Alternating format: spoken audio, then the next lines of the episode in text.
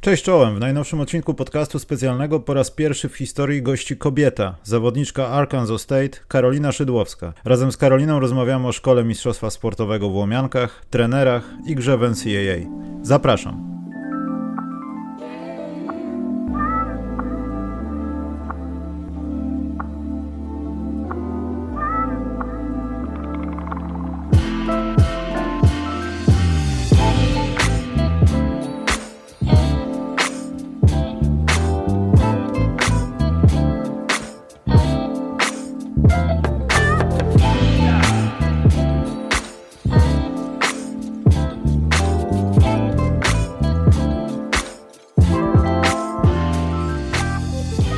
Karolina, jesteś pierwszą kobietą na pokładzie tego nieszczęsnego podcastu. Chciałem cię serdecznie powitać. Będziemy o smutnych rzeczach na początku rozmawiali. Dzień dobry. E, dzień dobry, dziękuję za zaproszenie. Ja myślę, że wiesz co, za specjalnie nie będziemy przedstawiać sprawy, co się stało, o kogo chodzi, bo myślę, że większość osób, która jest zainteresowana rozmową z tobą, to jest po to nas słucha, żeby dowiedzieć się czegoś więcej na ten na ten no nieszczęsny temat, tu nie ma żartów. Natomiast chciałem cię zapytać, no bo wiadomo, zaczęło się wszystko od artykułu na sportowych faktach autorstwa Dariusza Farora i Marka Wawrzynowskiego. Tam było podanych kilka niby fikcyjnych postaci, które były prawdziwe, tylko imiona były zmienione. Ty byłaś jedną. Ciężko mi o to jest pytać, ale chciałbym cię zapytać o to, jak było wtedy. W sensie, co się stało, że dopiero teraz ta sprawa jakby nabrzmiała? Czy to jest bardziej to, że panowie po prostu znaleźli temat, chcieli napisać artykuł, czy to były jakieś, nie wiem, głębsze starania? Bo wiesz, dużo osób zadaje to pytanie przede wszystkim i to, to jest straszne trochę, że nie ubolewają nad tym, co tam się działo i tym wszystkim wokół całej sprawy związanej z trenerem. E, natomiast no, jak, jak, jakie są kulisy tego wszystkiego? Czy ty wiedziałaś o tym artykule? Jak to było? Okej, okay, no to może zaczniemy od samego początku, a początkiem tak naprawdę całego rozgłosu na temat tej sprawy e, była sytuacja, gdzie 31 lipca, będąc na zasłużonych w końcu wakacjach, postanowiłam, że napiszę wpis na bardzo ważny temat w naszym środowisku koszykarskim, czyli na temat gnojenia trenerów.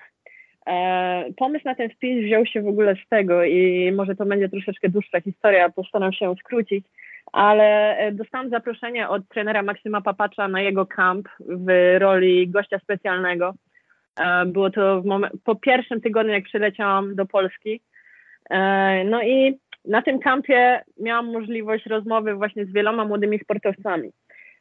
10, 15 czy tam 10 dziewczynek chciało ze mną porozmawiać na temat tego, jakie mają problemy, co je dręczy, bo ja również siedzę bardzo głęboko w psychologii sportu, w rozwoju osobistym, rozwoju duchowym, więc na podstawie swoich doświadczeń, na podstawie swojej wiedzy gdzieś tam czasami jestem w stanie dać jakieś wskazówki.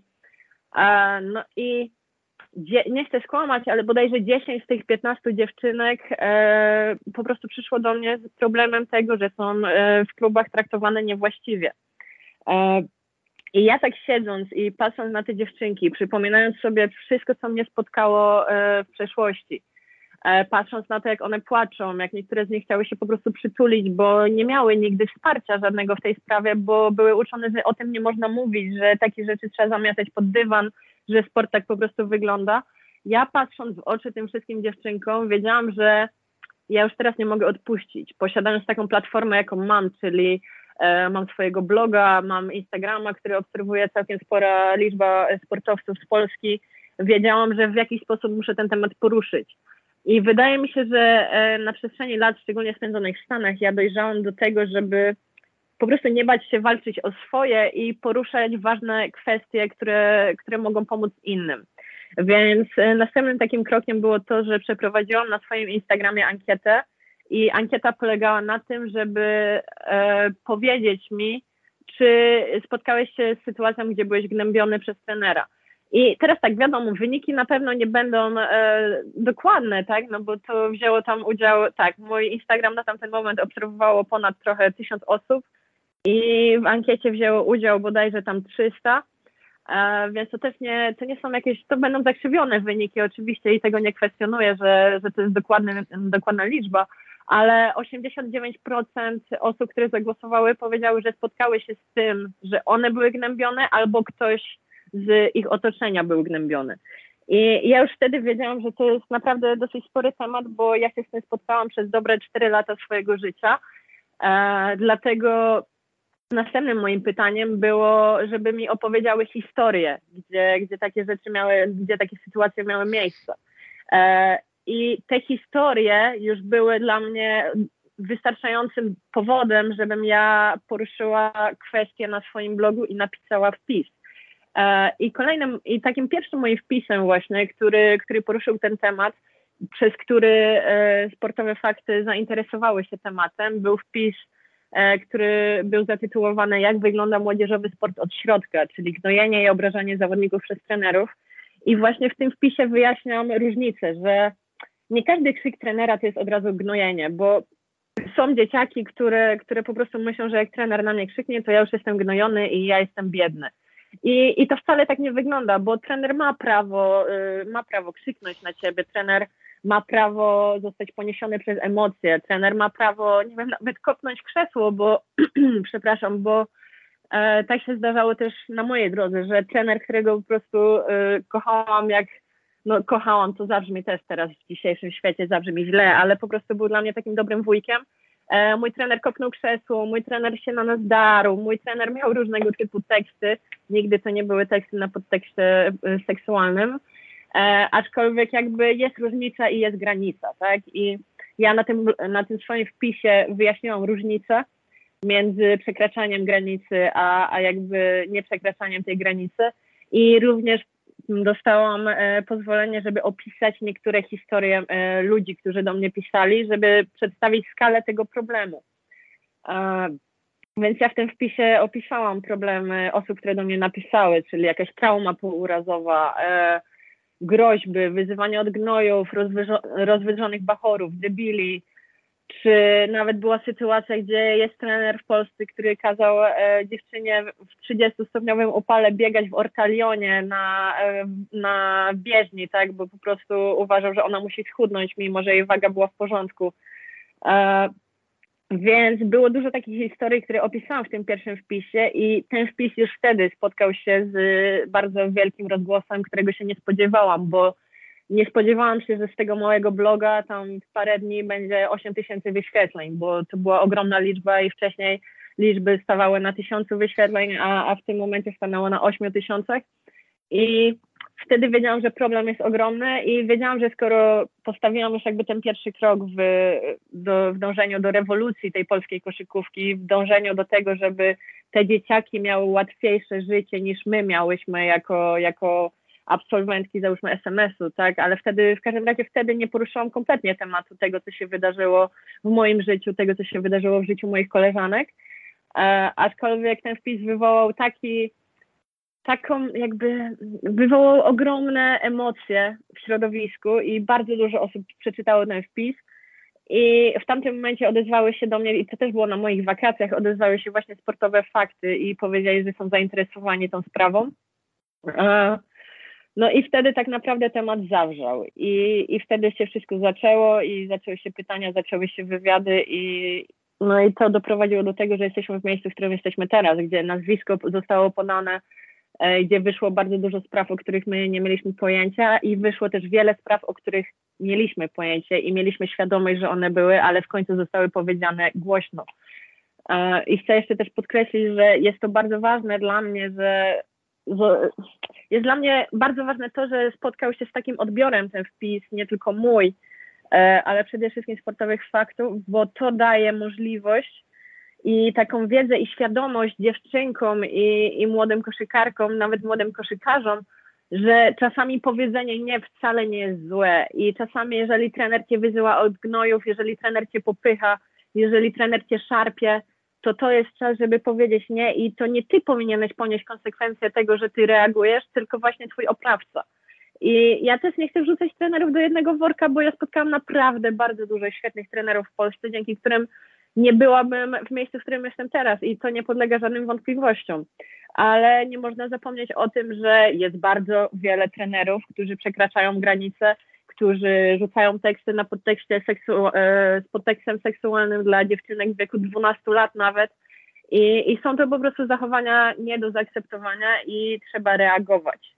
Wiesz co, tak się trochę zastanawiam, czy to jest, e, no bo miejmy nadzieję, no sytuacja jakoś teraz, znaczy miejmy nadzieję, no reakcja Polskiego Związku jest taka chyba, jakiej się wszyscy spodziewali.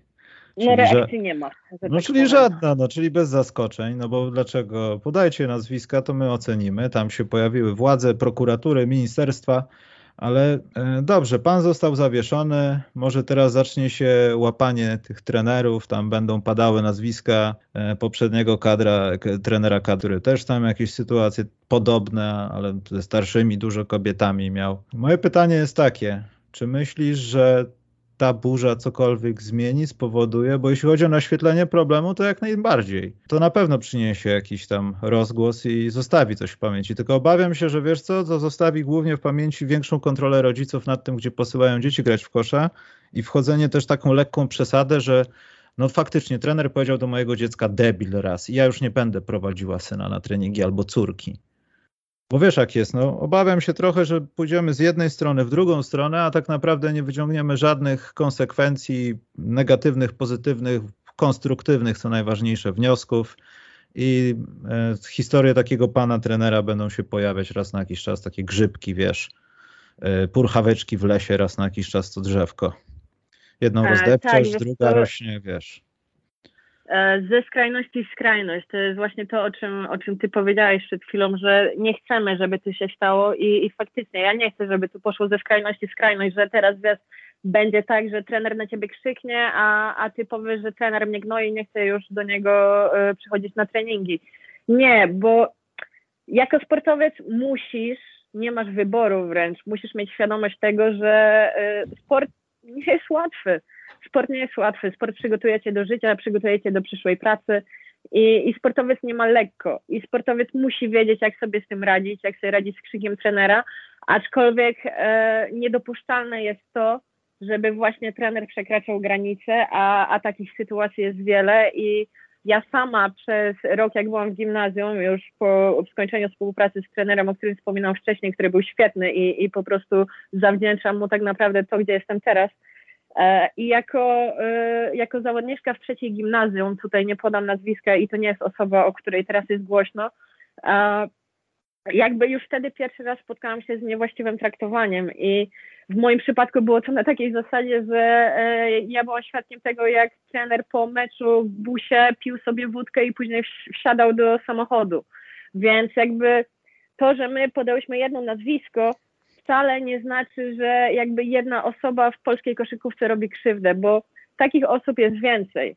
E, I tutaj teraz też nie chodzi o to, żeby, żeby jakby, wiesz, wprowadzać taki hejt, że polska koszykówka jest tragiczna, czy w ogóle ja nie chcę, żeby też to, co robimy, było kojarzone z wszystkimi komentarzami w internecie, które życzą trenerowi, o którym teraz mowa, żeby było żeby zginął, bo takie komentarze też są i ja chcę powiedzieć głośno, my się pod tym nie podpisujemy, my nie szukamy zemsty, my, my tak naprawdę chcemy tylko sprawiedliwości, my chcemy o tym, żeby dzieciaki wiedziały, że czasami można powiedzieć nie, że, że one wcale nie zasługują na bycie traktowane w sposób e, nieprofesjonalny, e, z niekompetentnymi ludźmi.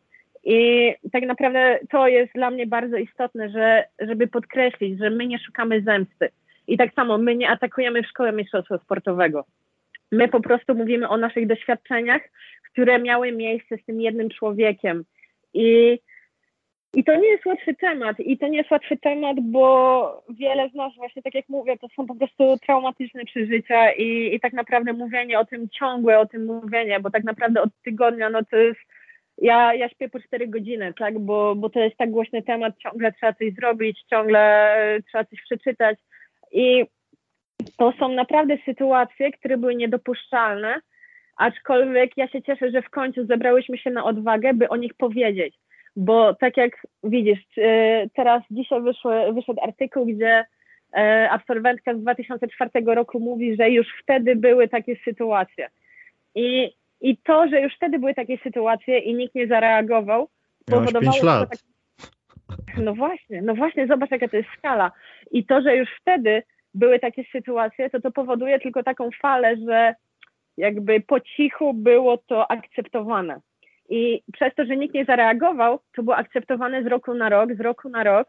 I zobacz, jesteśmy w miejscu, gdzie jest rok 2021 I to się dalej, to dalej miało miejsce parę lat temu, bo ja nie wiem, co się działo rok temu, dwa lata temu, trzy lata temu. E, co się działo, jak ja byłam w szkole i jak ja byłam pod opieką e, trenera Romana Strzecza. I to, że wtedy nie zostało to nigdzie zgłoszone, a później wręcz to było zgłaszane, ale nikt nie reagował. I tak samo moja klasa, my zgłaszałyśmy to dyrekcji, nikt nie reagował. My zgłaszałyśmy to rodziców, rodzicom. Rodzice e, rozmawiali czy to z PZ Koszem, czy to z dyrekcją.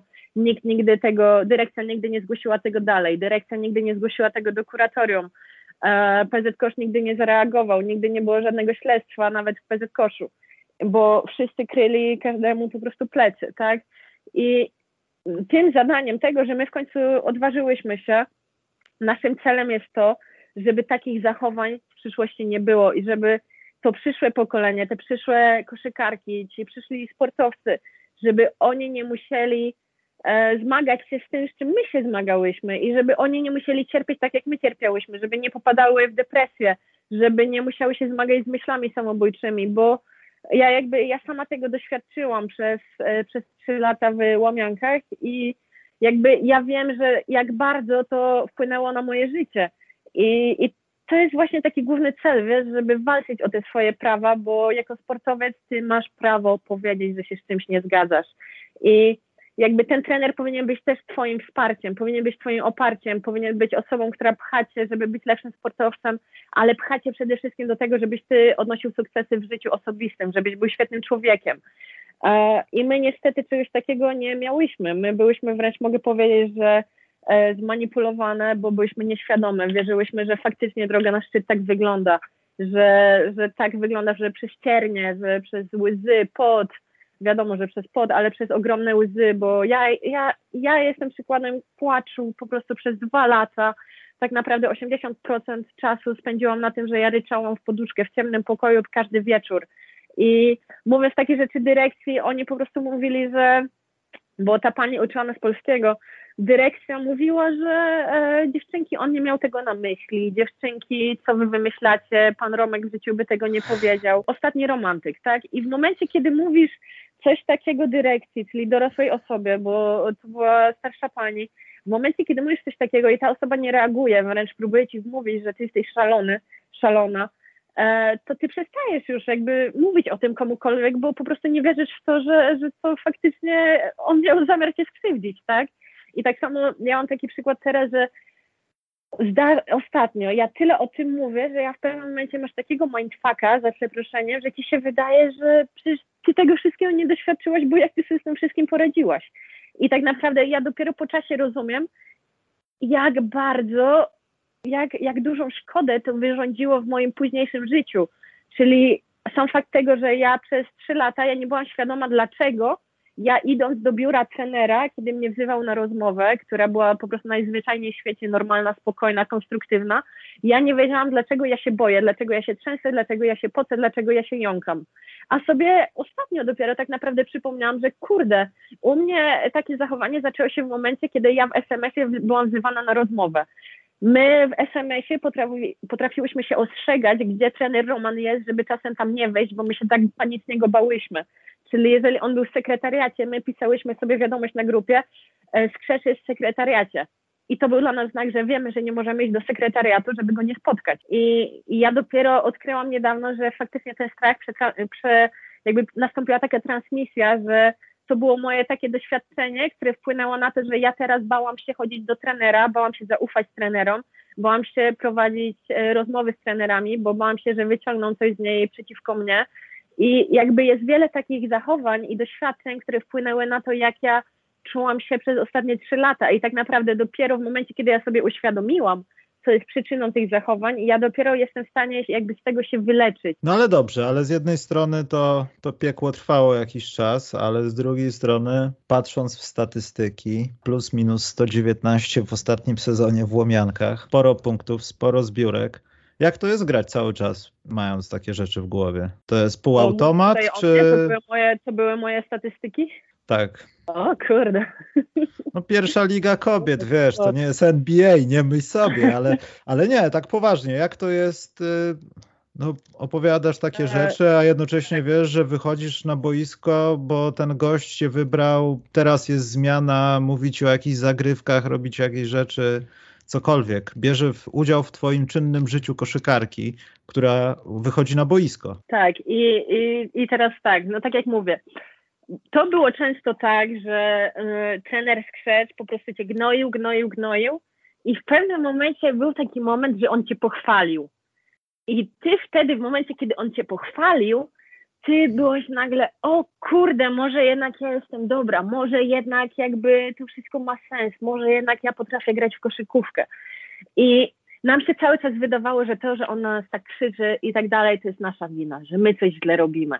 I to nie było proste grać pod tym wszystkim, grać pod taką presją, grać pod takim strachem, bo słuchaj, jeżeli masz zawodnika, który je, żyje w ciągłym strachu i, i ja też nie chcę powiedzieć, że ja byłam ta najbardziej gnębiona, bo ja nie byłam tą najbardziej gnębioną. Owszem, ja byłam w gronie tych najbardziej gnojonych, ale mam koleżankę, która, która swoją drogą się ujawniła, nie będę podawać jej nazwiska, no bo po prostu nie uważam, że jestem w stanie wypowiadać się za kogoś, ale ona przeszła takie piekło, że i w ogóle teraz też poruszę kolejny temat, bo w momencie, kiedy e, on kogoś gnoił, on też chciał, żeby drużyna odwróciła się przeciwko tej osobie.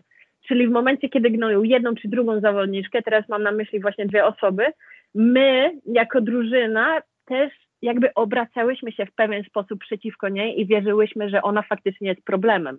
Czyli jeżeli on mówił, że dziewczyna ma humorki, my zaczęłyśmy wierzyć w to, że ona ma humorki, a nie, że faktycznie ma problemy, które są, e, które są przyczyną tego, te, tych jego zachowań.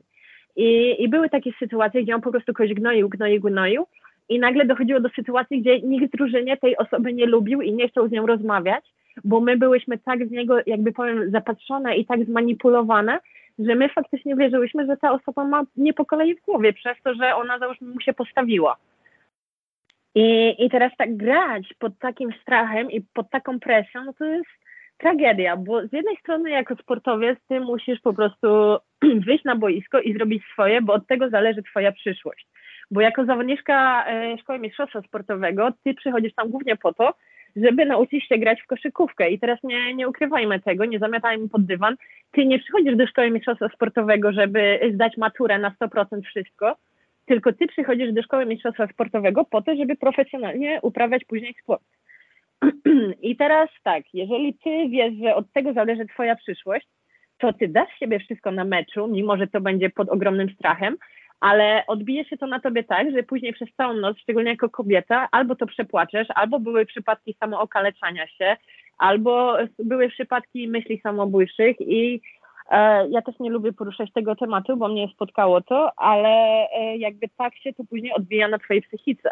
Czyli ty wychodząc na boisko, mimo że jesteś w totalnej depresji, jako sportowiec musisz wejść w tą taką strefę, taką jakby to jest po angielsku zone, musisz wejść w tą strefę taką, gdzie wszystko, jedyne co się liczy to twój występ, występ zespołu i, i to, że grasz w koszykówkę.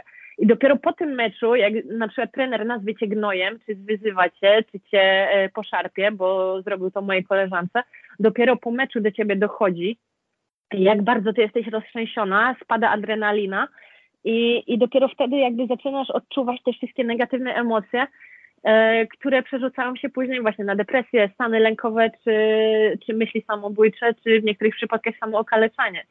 I jesteś sportowcem, więc ty musisz występować, bo od tego zależy twoja przyszłość. A teraz pytanie, czy, czy ten występ nie byłby lepszy, gdybyś ty była prowadzona profesjonalnie. Pytanie, czy z tych, nie wiem, ile, ile wspomniałeś punktów, nie byłoby więcej punktów, gdybym ja nie musiała się martwić o to, że ja zostanę, zostanę e, nawrzeszczana bez konstruktywnej krytyki i, i później nikt ze mną o tym nie porozmawia, bo trener unikał ze mną rozmów, trener nie chciał rozmawiać o tym, co ja robię źle, co ja robię dobrze E, już nie wspominając o tym, że ja takich rozmów się po prostu bałam, bo bałam się go jako człowieka. I my tego człowieka szanowałyśmy jako trenera, bo to nie jest tak, że on był złym trenerem. To nie jest tak, że on e, nie miał wiedzy o koszykówce. On wiedzę miał ogromną. On miał wiedzę ogromną w zakresie koszykarskim, e, w zakresie taktycznym. I on też nie traktował każdego tragicznie. On nie traktował każdego w sposób taki, że gnębił każdego. On sobie te osoby po prostu wybierał. E, I, I w sumie dostaję pytania, że dlaczego na przykład wybrał ciebie. Ja nie mam pojęcia, dlaczego wybrał mnie. Nie mam pojęcia, dlaczego wybrał inne osoby, które powiedziały o swojej historii.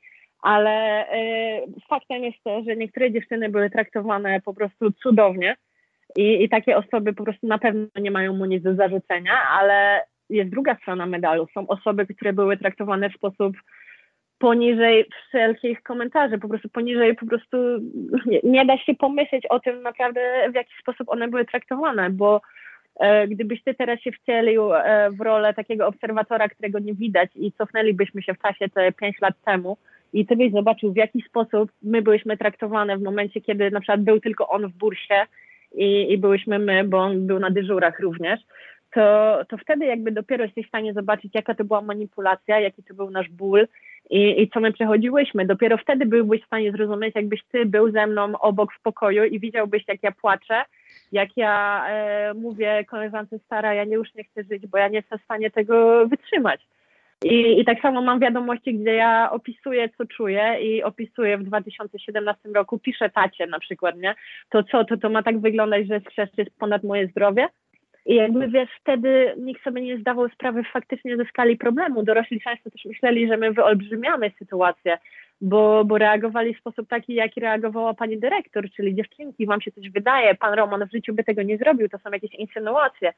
A my jako dojrzewające kobiety, doświadczając tego i jeszcze tak naprawdę nie mając z kim o tym porozmawiać spoza środowiska, no bo 24 dziewczyny w jednej bursie, które są tak naprawdę zmanipulowane, no to wiesz, to nie jest, nie jest prosta sprawa, nie? Szczególnie, że nie miałyśmy tak naprawdę z kim o tym porozmawiać w szkole, nie było psychologa. E, w szkole jedynymi naszymi wychowawcami byli właśnie trenerzy. Dlatego to, to nie jest tak, że my nikomu nie mówiłyśmy, czy nie szukałyśmy pomocy, bo ja, ja poszłam do psychologa, moje koleżanki też chodziły do psychologa, ale to nie był psycholog zapewniony przez szkołę. I słuchaj, ja idąc do psychologa, ja się dowiedziałam, że no to już były inne dziewczyny, bo to był psycholog w Łomiankach ja już się dowiedziałam, no słuchaj, już to były inne dziewczyny, które opowiadały o tym trenerze. Więc jakby to był problem, który trwał, trwał latami.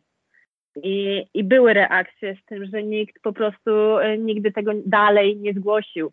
I tak samo jak trener kadry mówi, trener Mołow mówi, że e, on też zgłaszał sytuację, więc jakby jest wiele takich dowodów, gdzie, gdzie my mamy dowody, że sytuacje były zgłaszane, ale po prostu nikt nie reagował bo ja nie chcę też zarzucać, ale y, w naszym środowisku my dobrze wiemy, że PZK już wiedział o tym, co się dzieje. PZK już po prostu nie chciał reagować, woli, wolał zamknąć oczy i po prostu udawać, że niczego nie widzi i niczego nie słyszy. Znaczy wiesz, Karolina, to jest tak, że oficjalnie też nikt nikogo za rękę nie złapał, jeśli chodzi o to, że oficjalnie mówię, że PZ Kosz o niczym nie wiedział i praktycznie większość związków napisałaby to samo. Może w NBA postąpiono by inaczej, ale większość wniosków by związków postąpiłaby tak samo, że początkowo, wiesz, nie będziemy rzucać nożami, kiedy nie wiemy ile wyrzucić, w kogo i w jakie części ciała trzeba nimi trafić. Tego nie będziemy na razie robić. Natomiast sam fakt tego, że oni nawet na to jakoś odpowiedzieli, ustosunkowali się, już oczywiście spowodował lawinę i to nie przeszło niezauważalne. Natomiast fakty są takie, że SMS to nie jest yy, najemna szkółka za pieniądze rodziców. To bądź co bądź jest jakiś tam nazwijmy to państwowy twór za państwowe pieniądze. Oni musieli doskonale wiedzieć, co tam się dzieje, e, bo aż tak głupi nie są też, że nie obserwują, na co się wydaje pieniądze tak do końca. Tam na pewno też jakieś sygnały jecha musiały docierać. Ale moje pytanie jest takie, czy to jest tak, że to jest jakiś mały procent tej patologii? Bo też umówmy się, że wiadomo, dziewczynkę to łatwiej tam zakrzyczeć, zwyzywać, pośmiać się, wiesz, piersi, tyłek, to bardzo śmieszne jest w wieku 13 lat. Z chłopakami też tam jest takie lekkie gnojenie, chociaż pewnie na innych płaszczyznach i tam e, dochodzi do in, innego rodzaju, nazwijmy to agresji, no ale jedni to tłumaczą na wypychanie do krawędzi, inni nazywają to już hiperagresją. Nieważne. Czy uważasz, że to jest, nie wiem, w jakimś sporym e, procencie powtarzalne w Polsce na takim poziomie jak tam w SMS-ie kształcenia młodych ludzi, bo to bądź co bądź jest jeszcze kształcenie młodych sportowców. Uczeniem ich nawykami takimi, że pan trener jest od zastraszania i chyba nie powiedzieliśmy tego, ale jak odejdziesz ze szkoły, no to karę trzeba zapłacić, no bo sama odeszłaś. E, wiesz co, ja nie chcę rzucać fałszywych oskarżeń i to pytanie już wcześniej do mnie padło, ile myślę, że właśnie procent, czy jaka jest liczba I powiem tak, no na pewno nie będę w stanie tego określić dobrze, no bo y, żeby określić to dobrze, musiałabym rozmawiać z każdym klubem w Polsce i z co najmniej jedną osobą z każdego klubu w Polsce. Aczkolwiek y, wydaje mi się, że problem niestety jest bardzo powszechny i, i cieszę się, że temat został nagłośniony, bo może teraz ludzie, którzy nie mają kompetencji i którzy nie traktują E, swojej pracy tak, jak powinni traktować, może teraz zaczną patrzeć na swoje słowa i na swoje czyny, bo już wiedzą, że nie są tacy bezkarni. E, wydaje mi się, że problem jest, problem jest spory, bo w momencie, kiedy dwunastolatka do mnie mówi, że ona słyszała podteksty seksualne, dwunastolatka to jest szósta klasa podstawówki, e, w momencie, kiedy piętnastolatka mówi to samo i, i później słyszę od 25-latki, że E, w dalszym ciągu takie zachowania są normalne przez trenerów ekstraklasowych. Myślę, że problem jest powszechny i przez to i tak naprawdę powodem tego, że problem jest powszechny, jest to, że nie ma gdzie tego zgłosić. I że nawet jak ty to zgłosisz, to każdy to zlekceważy i nikt się tym nie zajmie. I teraz mam takie porównanie do Stanów A przepraszam, Karolina, dygresja mała. Y, no, okay. Te rzeczy, które tutaj się działy i o które opowiadasz, działy się nie w moich czasach, kiedy nie można było nagrywać wideo ani audio w komórkach, bo ich po prostu nie było, tylko w twoich czasach, kiedy jest wszystko. Y, mhm. Czemu ktoś, kto jest drugi, trzeci rok, jest bardzo desperacko. To... Ja tylko pytam, nie oceniam, tylko z ciekawości pytam. I widzi rzeczy, które są powtarzalne i nagminne, nie nagra tego w jakiś sposób? Zacznijmy od tego, że co się dzieje w momentach, których się nie spodziewasz. Czyli zacznijmy od tego, że na przykład coś się dzieje na treningu. Na treningu trener mówi, nie wiem, szoruj futrem, czy masz długie nogi, wykorzystaj je, czy łap piłkę w e, dwie ręce, bo chłopak nie lubi, jak łapiesz w jedną.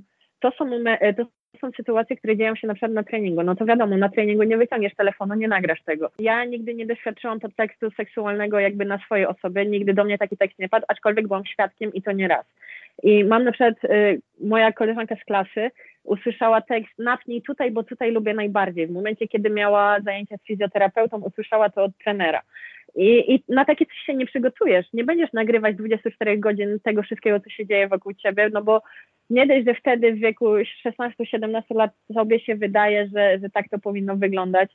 E, jakby nie przygotujesz się na to, nie będziesz chodzić z telefonem, nie będziesz po prostu go ciągle nagrywać, bo to też jest nie do zrobienia. Ja nie pójdę na rozmowę z trenerem i wiesz, nie, nie położę dyktafonu, bo po prostu mnie wiadomo. No właśnie teraz stanie, wyobraziłem tak? sobie, jakbyście wszystkie chodziły w tych takich uprzężach z GoPro i trener się pyta, co się dzieje. Nic, nic trenerze. I on a wtedy w ogóle dziwnie się normalnie zachowuje. Nie ma czego nagrywać, wiesz, no nie no faktycznie, rację.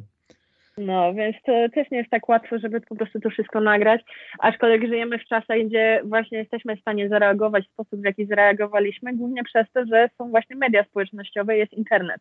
Więc cieszę się, że gdzieś tam może te czasy, w których żyjemy, przyczynią się do tego, że wprowadzimy pozytywną zmianę w y, żeńskiej koszykówce, bo przede wszystkim o żeńską koszykówkę chodzi.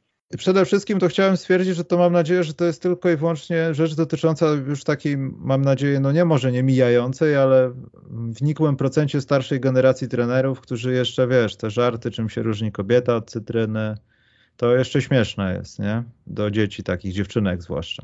Mam nadzieję, że ci młodsi już nie są aż tak zabawni i robaczni w tych żartach, bo myślę, że chyba u młodszych ciężko byłoby znaleźć. Ale o co chciałem zapytać, czy podejrzewam myślisz tak samo jak ja, że się nic nie stanie w sensie od górnego szczebla, tam będzie grożenie palcem, ale niestety za jakiś czas się okaże, że znowu coś ktoś. Czym, nie wiem, myślałaś albo masz jakiś pomysł, co można zrobić, żeby do czegoś takiego nie doprowadzać? Oczywiście poza szkoleniem. Czy można jakoś się tego pozbyć wszystkiego, tych takich negatywnych cech? Czy, czy, czy tylko to jest szkolenie trenerów? No, wiesz co, zdecydowanie myślałam, bo jestem zdania, że mimo wszystko, skoro ja zrobiłam, e, skoro ja postawiłam jakby pierwszą literę, czyli ja postawiłam, załóżmy, wiesz, ja zaczęłam temat, czyli ja zrobiłam pierwszy krok, ja zaczęłam od tego, a ja wierzę w to, że skoro ja już to zaczęłam, to ja nie mogę skończyć tylko, nie wiem, na oskarżeniach czy na jednym wpisie na blogu. Ja uważam, że skoro ja zaczęłam zmianę, to ja muszę być jej częścią. Dlatego oczywiście nad rozwiązaniami myślałam i ja mam przede wszystkim porównanie właśnie z NCAA, czyli tutaj jest odpowiednia komisja, czyli jeżeli ja teraz bym podała oskarżenia odnośnie swojego trenera, od razu automatycznie dzisiaj po, zostałyby podjęte już działania. I dzisiaj, nieważne czy ja, e, czy ja skłamałam, czy nie, jakby od razu zaczęłyby się przesłuchania, zaczęłoby się sprawdzanie telefonów i autentycznie mówię Ci, że jeżeli ja bym powiedziała, że nie wiem, trener sypiał z tą i z tą zawodniczką, autentycznie zaczęła, zaczęłyby się przeszukania, zaczęłoby się sprawdzanie telefonów. I ja nie chcę oceniać, co jest dobre, co jest złe, ale wydaje mi się, że jakakolwiek reakcja natychmiastowa byłaby na pewno y, dobrym, dobrym działaniem, bo w momencie, kiedy PZK zareagował, że podajcie mi nazwiska, dopiero wtedy zareagujemy. No i my podałyśmy nazwiska, tak? I, i teraz PZ odpowiedział, że w momencie, kiedy dostał nazwiska, PZ odpowiedział na to, e, to e, wykracza poza zakres naszych kompetencji. E, I teraz tak, w Polsce nie ma organu, który w sporcie zająłby się właśnie takimi przypadkami, więc myślę, że zorganizowanie czegoś takiego byłoby na pewno bardzo, bardzo pomocne i zmieniłoby oblicze tego naszego sportu, naszej koszykówki czy jakiegokolwiek innego sportu. Kolejną sprawą jest e, w momencie, kiedy dostajesz licencję na trenera, bo, bo licencję e, się dostaje poprzez e, ukończenie kursu, powinny być tam zajęcia psychologiczne, powinny być zajęcia z zakresu właśnie etycznego, czy nawet nie etycznego, ale powinien zostać również wprowadzony jakiś regulamin, w którym jasno mówi się, że trener nie może rzucać załóżmy podtekstów seksualnych do swojej e, wychowanki, tak? E, powinni być ludzie, którzy po prostu, nieważne jakie to jest nazwisko trenera, czy jest on wysoko czy nisko postawiony, którzy będą po prostu sprawdzali takie sytuacje i, i nie będą dopuszczali do tego typu zachowań. Powinno być stworzone jakieś stowarzyszenie, gdzie dziewczynka nie, nie musi się bać o to, czy ona będzie miała przyszłość w koszykówce po tym, jak zgłosi swój problem. E, uważam też, że w każdym klubie to, to akurat jest, to będzie długi proces, to będzie ciężki proces, wierzę w to, że w końcu to się zmieni. E, uważam, że każda zawodniczka powinna mieć dostęp do e, psychologa sportowego i ja będę o to walczyć i ja podejmę działania w tym kierunku i ja to obiecuję, że ja doprowadzę do tego, że każde dziecko, które uprawia teraz sport, koszykówkę w szczególności, będzie miało dostęp do, do psychologa. I nie wiem, czy będzie to wymagało ode mnie założenia fundacji czy jakiegoś stowarzyszenia. Ja jakby jestem w stanie obiecać tutaj nawet w podcaście, że ja się tego podejmę. I ja nie zostawię tak tego po prostu, wiesz, że ja zrobiłam zamieszanie i ja teraz odpuszczę. Nie, ja nie dość, że walczę o sprawiedliwość, to walczę również o dobre warunki dla dzieciaków i nie chcę, żeby przechodziło przez to, przez co my przechodziłyśmy. Więc myślę, że to są takie podstawowe kwestie, czyli psycholog sportowy, e, jakieś, nie wiem, stowarzyszenie czy instytucja, która będzie sprawdzać natychmiastowo takie e, sytuacje, myślę, że to są takie podstawowe kwestie, które, które trzeba poruszyć i nad którymi trzeba pracować bo po prostu to nie może być tak, że oprawca będzie się czuł bezkarny, a, a ofiary będą czuły się winne, bo, bo one coś zgłosiły, co po prostu im się nie podobało, nie?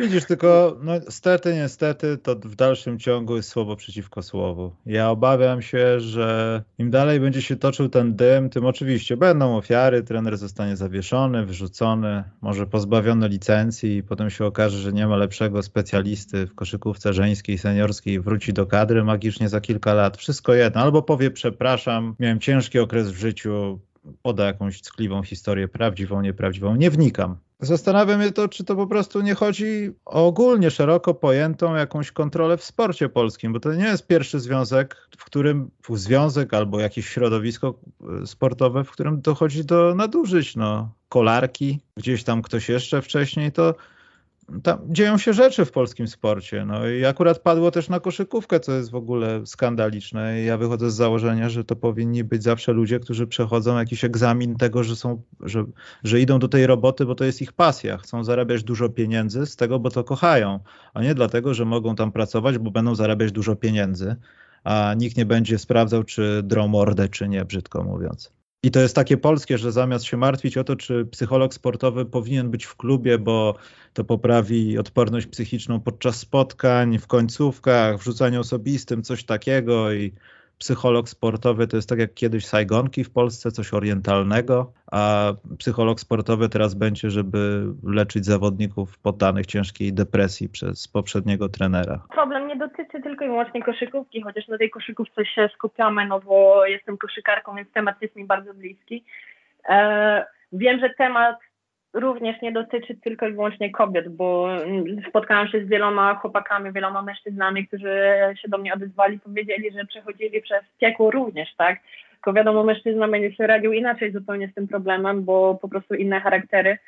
E, No i, i jakby wiem, że problem dotyczy również różnych dyscyplin sportu, bo odezwali się do mnie piłkarze ręczni, odezwały się do mnie siatkarki, więc jakby problem jest spotykany generalnie w Polsce, generalnie w tym środowisku sportowym, bo nie ma nad tym żadnej kontroli.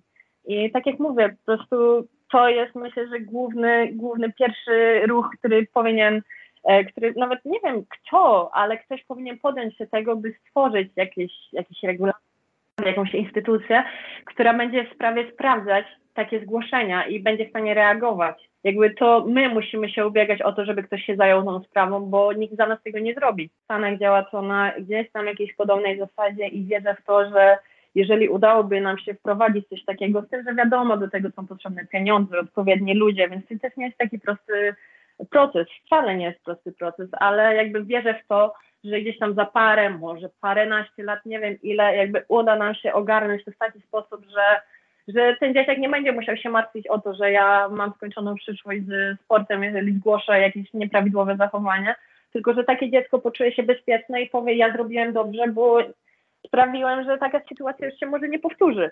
Bo jeżeli ja to zgłosiłem, ktoś zareagował, to może przyszłe pokolenie będzie miało łatwiej.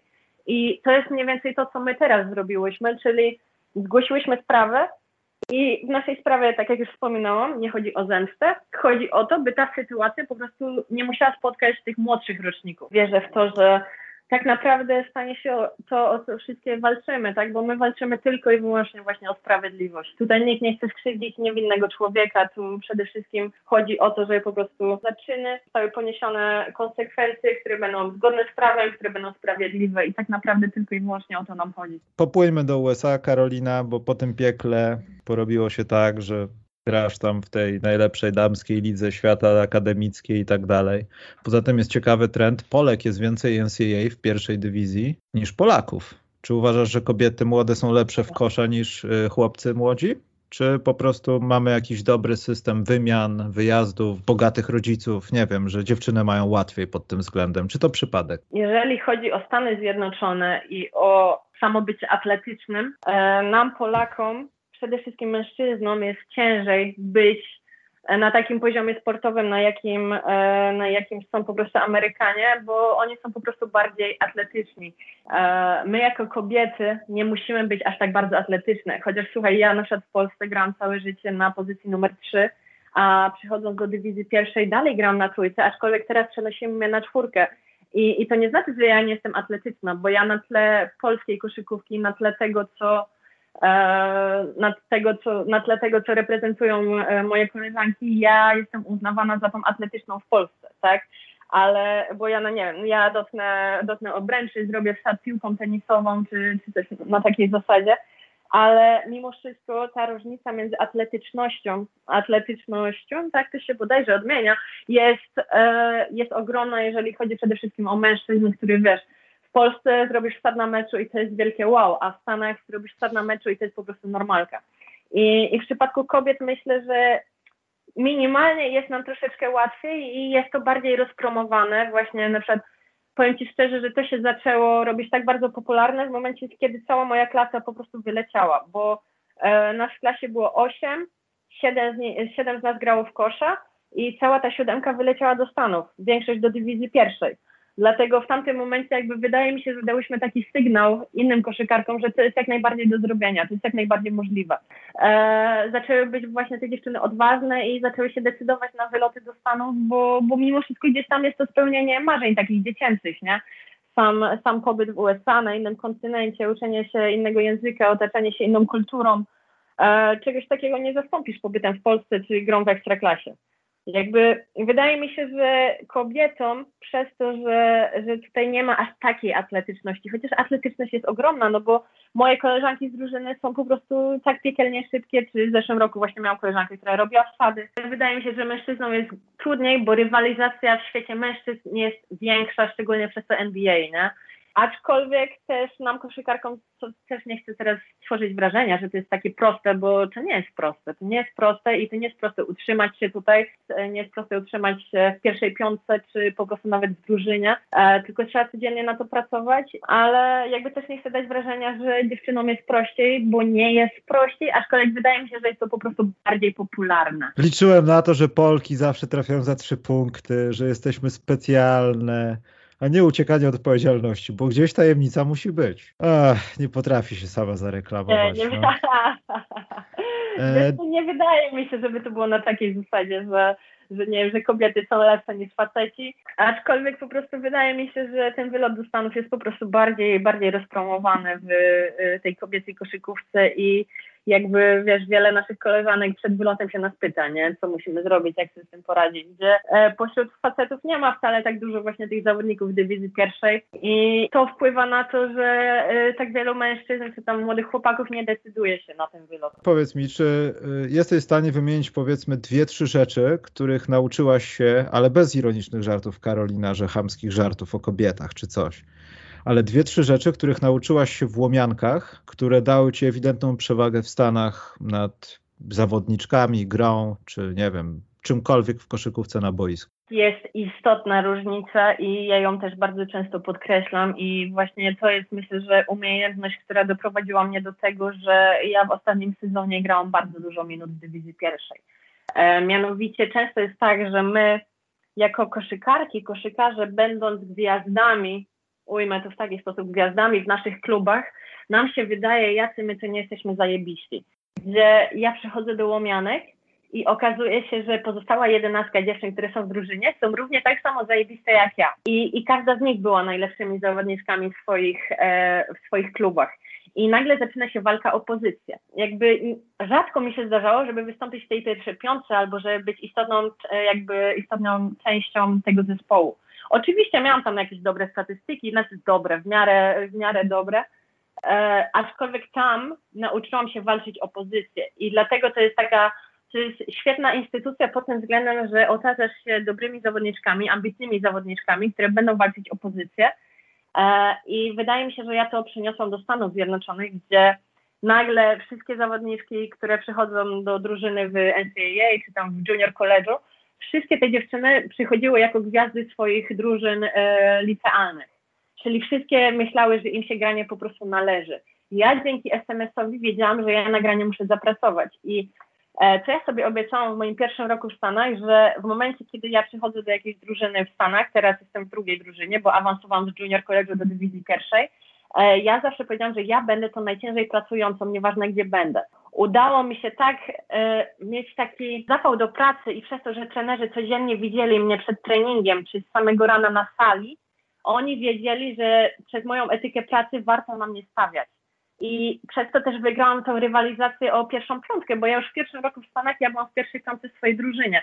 W drugim roku w Stanach byłam w pierwszej piątce w swojej drużynie. W trzecim roku w Stanach byłam w pierwszej piątce w swojej drużynie. I widzisz, mimo że ten poziom się zmienił, z junior college'u przeszłam do dywizji pierwszej, ja wiem, że przez swoją etykę pracy i przez tą taką, przez takiego ducha walki, rywalizacji, który wiedział, który mi podpowiadał, że ja muszę walczyć, nic nie zostanie mi dane na tacy. Ja przez to, że ja wiedziałam, że ja muszę walczyć, że ja każdy off-season muszę przepracować na, e, na swoim podwórku gdzieś tam na rękę, czy to rok temu z Maksymem Papaczem, czy w tym roku pracowałam z, e, z trenerką Olą w, we Wrocławiu, i przez to, że ja wiedziałam, że ja muszę pracować ciężej niż ktokolwiek, kto jest w mojej drużynie, przez to, że ja wiedziałam, że ja za każdym razem, każdego dnia tak naprawdę muszę walczyć o tą swoją pozycję, e, to mi dało ogromną przewagę. I właśnie takim wielkim słowem jest wytrwałość, czyli dużo jest dziewczyn, które po prostu widzą, że o, ja już nie jestem w pierwszej piątce, ja rezygnuję, ja już nie będę się przykładać tak bardzo, ja już nie będę składać to tyle pracy. Ja przez to, że ja miałam w sobie takie coś, że ja wiem, że ja po prostu muszę zapieprzać. Ja wiedziałam, że ja nie mogę sobie odpuścić, że miałam ciężki dzień, ja nie mogę teraz iść na salę. I mi się zdarzało po prostu, wiesz, załóżmy, nie trafiłam w meczu y, tyle punktów, ile chciałam, ja potrafiłam iść po meczu na salę i po meczu, który grałam załóżmy 30 minut, ja potrafiłam oddać 500 rzutów, tak? I następnego dnia załóżmy był kolejny mecz. I takie sytuacje zdarzały się nawet w zeszłym sezonie. Więc wydaje mi się, że SMS e, nauczył mnie przede wszystkim takiego ducha rywalizacji, nauczył mnie tego, że na tacy nic nie jest podane, że na wszystko musisz zapracować. I nauczył mnie takiej walki o pozycję, nie? I, I myślę, że to są bardzo ważne rzeczy, których potrzebują młodzi sportowcy, bo w wielu przypadkach jest tak, że jeżeli jesteś najlepszy w swojej drużynie, to wydaje ci się, że nic nie musisz już robić, wydaje ci się, że w innym kraju będzie to samo, a, a to jest tak naprawdę za przeproszeniem gówno prawda, no bo w momencie, kiedy ty jesteś najlepszy w Polsce, musisz zdawać sobie sprawę z tego, że na świecie jest jeszcze, jeszcze milion razy więcej takich osób, które myślą sobie, e, myślą sobie, że też są najlepsze i ty musisz rywalizować z tymi najlepszymi na całym świecie, a nie, nie musisz rywalizować z tym, że ty jesteś najlepszy na swoim podwórku i to jest koniec e, koniec twojego zadania, koniec twojej roboty. Zanim zapytam, co dalej, to kierunek studiów jaki to jest? Z czego będziesz mądra po zakończeniu tego? Kierunkiem moich studiów jest marketing i sprzedaż. Ja spędzam dużo czasu rozmyślając o tym, jaka, jaka ma być moja przyszłość, bo wierzę w to, że jeżeli sobie będziemy stawiać jakieś cele i będziemy o czymś myśleć, to gdzieś tam będzie się to spełniać. E, ja przede wszystkim chcę grać w kosze zawodowo i jakby mieć tą możliwość podróżowania po świecie, jakby mieć tą możliwość wybrania drużyny, która najbardziej ci odpowiada. Czyli ja nie chcę być nigdy postawiona w sytuacji, gdzie ja mam tylko jedną ofertę z klubu i jestem zmuszona tam iść, bo inaczej nie będę miała za co żyć. E, jeżeli będę miała tylko jedną ofertę z klubu i który nie będzie mi pasował, ja wierzę w to, że ja będę w stanie jakby utrzymać się z innych, zdecydowanie innych źródeł dochodu i, i jakby to jest takim moim głównym głównym celem, żeby prowadzić takie życie, gdzie ja nie jestem, załóżmy, y, uzależniona tylko i wyłącznie od jednego źródła dochodu, czyli ja mogę sobie e, załóżmy iść grać do Rosji za, za grosze, ale będę mieć tyle źródeł dochodu, że nie będę musiała się martwić o to, że ja gram w koszykówkę tak naprawdę za nic i, i będę dalej to robić jakby z miłości, bo ja chcę po prostu grać w koszykówkę, bo ja to kocham i kocham to, że przez granie w koszykówkę jestem w stanie inspirować e, młodszych zawodników, kocham to, że jestem w stanie e, kocham w stanie, jestem w stanie mieć wpływ jakiś na ich życie i jakby pomagać im życiowo. I, I generalnie kocham bardzo wiele aspektów, które się wiążą z koszykówką, a nie są jakby tylko i wyłącznie koszykówką. I, I wydaje mi się, że plany na przyszłość, no to jest po prostu ja naprawdę, ja po prostu chcę być szczęśliwa. I ja wiem, że to brzmi tak ogólnikowo, że to brzmi wręcz trochę komicznie, ale jakby ja Nie, nie, nie. Komicznie byłoby, jakbyś chciała pokoju na świecie najpierw. ale jakby ja przeszłam już tyle w życiu i przeszłam tyle przez ten sport, że ja naprawdę, ja chcę mieć pozytywny wpływ na, na młodsze pokolenie i, i chcę robić to, co kocham. I chcę trochę właśnie pomóc zmienić tą polską koszykówkę, być częścią tej rewolucji, której, e, o którą wiemy, że, że potrzebujemy po prostu tej rewolucji, tak? I naprawdę koszykówka, na koniec dnia koszykówka to jest tylko sport i ja zawsze podkreślam, bo tego się nauczyłam przede wszystkim w Stanach, że ja nie jestem tylko koszykarką. Ja się nie określam i nie utożsamiam się z tym, że jestem koszykarką. Ja owszem, gram w koszykówkę, ale jestem przede wszystkim po prostu człowiekiem, który, który ma marzenia, który ciężko pracuje, który e, przez sport nauczył się właśnie e, różnych wartości, takich jak dyscyplina, takich jak ciężka praca, czy, czy szacunek właśnie do samej siebie poprzez wszystkie te przejścia. I Myślę, że, że to jest bardzo ważne, bo jest wielu sportowców, którzy utożsamiają się z tym, że są koszykarzami, czyli jak ci pójdzie źle mecz, to już się załamujesz i wydaje ci się, że twoje życie się kończy. Ale prawda jest taka, że poza boiskiem ty jesteś człowiekiem i większy wpływ będziesz mieć na życie innych, jeżeli właśnie tym człowiekiem będziesz, jako człowiek będziesz dawać przykład. I jako sportowiec ja daję przykład i, i wierzę w to, że jako właśnie człowiek również daję przykład, szczególnie tym młodym sportowcom, którzy na przykład przechodzą przez coś złego i na przykład ja ich teraz mogę nauczyć tego, że możesz o tym powiedzieć głośno, nie musisz się niczego bać. Albo ja im mogę pokazać, że przez swoją ciężką pracę, przez swoje niepowodzenia, ja teraz e, mogę powiedzieć, że w dywizji pierwszej grałam nie wiem ile minut na mecz, ale bodajże było to 25 i wychodziłam w pierwszej piątce. Czyli ja się cieszę, że ja mogę mieć wpływ na młodych sportowców i, I to mi sprawia przede wszystkim szczęście z tego, że ja gram w koszykówkę, to, że ja mogę wpłynąć na życie innych w sposób pozytywny. Czyli nie dowiem się klubu, w którym będziesz grała. Nie, nie dowiesz się, bo ja chciałabym sama wiedzieć, ale nie mam pojęcia. Zobaczymy, jak wszystko się potoczy, ale jestem pozytywnie nastawiona, bo jestem w formie w tym sezonie, głównie przez to, że tak naprawdę pierwszy raz pracowałam profesjonalnie w czasie off-season e, siłowo, bo do tej pory zawsze pracowałam koszykarsko, ale pierwszy raz jakby E, właśnie spotkałam się z trenerką Olą i pracowałyśmy codziennie na siłowni, więc się czuję o wiele silniejsza, co jest bardzo ważne, szczególnie w Stanach, gdzie koszykówka jest bardziej fizyczna. E, Polish Hammer może bać się o to, że ktoś zabierze jego przezwisko, czy Marcin może spać spokojnie? Bo to nie, zabrzmiało nie. groźnie, bo to zabrzmiało groźnie. To jest groźna deklaracja. Dużo siły. Nie, niech Marcin śpi spokojnie. E, ja będę mieć swoją ksywę. E, tą ksywę zostawię Marcinowi. z racji tego, że pierwsza kobieta i w zasadzie chyba nigdy nie pytałem o to żadnej koszykarki. Gdybyś musiała wymienić osobę, bo wszystko jedno, czy mężczyzna, czy kobieta, która zainspirowała cię albo była jakąś taką osobą, która... Dwie osoby. Przede wszystkim był to Kobe Bryant i jakby ja naprawdę to ile ja wyniosłam z słuchania wywiadów z tym człowiekiem, z oglądania jego meczów, cała jego mentalność, podejście do pracy, etyka pracy, wszystko co związane z Kobim po prostu miało na mnie takie piętno, że w momencie, kiedy zdarzył się ten nieszczęsny wypadek, ja autentycznie przez tydzień ja po prostu płakałam, bo się czułam tak blisko i on miał ogromny wpływ na moją karierę. A druga osoba to będzie przede wszystkim oczywiście Marcin Gortat, bo w wieku 12 lat wygrałam jego kamp i jakby on, dzięki temu, że wygrałam jego kamp i byłam pier w pierwszej turze tych osób, które wyleciały do Stanów dzięki Marcinowi, e, ja byłam w stanie zobaczyć ten świat amerykański,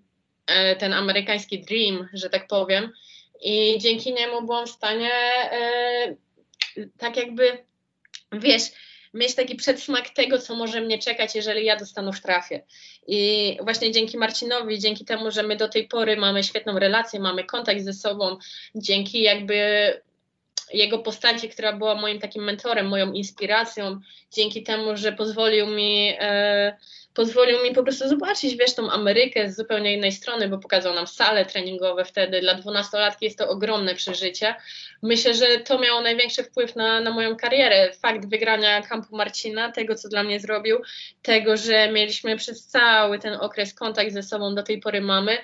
I myślę, że, że to była osoba, dzięki której właśnie jestem tu, gdzie jestem teraz, bo to, jak on mnie zainspirował, jakby sam fakt tego, że dwunastolatka może mieć taki kontakt po prostu z zawodnikiem NBA jest czymś niesamowitym i e, za to, że Marcin jest i był w moim życiu, to jestem ogromnie wdzięczna, bo gdyby on prawdopodobnie e, teraz byłabym gdzieś tam w polskiej koszykówce, a, a mogę powiedzieć, że dzięki niemu teraz odkrywam świat, e, jestem w Stanach Zjednoczonych, gdzieś tam jestem częścią jakiejś zmiany w Polsce, i, I, myślę, że bez Marcina nie, nie byłoby to możliwe. To jest bardzo smutne, że nie wymieniłaś żadnej kobiety. Było to, jak miałam 15 lat i miałam możliwość grania w kobiece, znaczy nie grania, ale trenowania w Ekstraklasie z zespołem Ślęzy Wrocław. E, była tam wtedy Amerykanka, która się nazywała Jasmine Player. Była ona moją ogromną inspiracją na tamten, e, na tamten moment i nie wiem dlaczego tak późno sobie o tym przypomniałam, ale ja pamiętam że ja miałam z nimi treningi i pamiętam, że raz grałam jeden na jeden i co prawda e, udało mi się z nią wygrać tylko raz, ale ten moment, w którym ja z nią wygrałam jeden na jeden, była to gra tyłem do kosza. Ona była bodajże liderką punktową polskiej ekstraklasy na tamten moment. Ten moment zapadł mi strasznie w pamięć, bo ja pamiętam, ja trafiłam jakieś w ogóle szalone rzuty i, i ograłam ją jeden na jeden i to było niesamowite wydarzenie dla mnie, bo ona po tej grze jeden na jeden na rannym treningu powiedziała mi, że ona mnie właśnie widzi w Stanach i widzi mnie w tej uniwersyteckiej e, koszykówce i mi powiedziała, że mam dalej tak ciężko pracować. E, ona obecnie teraz jest trenerką gdzieś w NCAA dywizji pierwszej, swoją drogą jak była trenerką w Los Angeles, jednym właśnie jednej szkole takiej dywizji pierwszej, ona mnie rekrutowała. Ostatecznie wybrałam tą szkołę aczkolwiek ona była ogromną inspiracją w moim życiu wtedy, bo dawała mi takie właśnie, była takim moim mentorem, wiesz, dawała mi jakieś wskazówki, mówiła mi, co powinnam robić lepiej, jak powinnam grać. Sam fakt, że ja byłam w stanie oglądać ją na treningach, później na meczach ekstraklasy kobiecej, e, to było ogromne wydarzenie. Karolina, to jeszcze raz y, powodzenia w tej walce. Daj znać, ja wezmę słuchaczy, bo oni są niezadowoleni. Ja słyszałem głosy, że oni też chęcią by tam z panem Romkiem porozmawiali inaczej. Dlatego Karolina musisz zrobić to w pokojowy sposób, bo ludzie wyjdą na ulicę, no. Jak tak dalej będzie się działo tego w życiu powodzenia w tym. Dziękuję bardzo.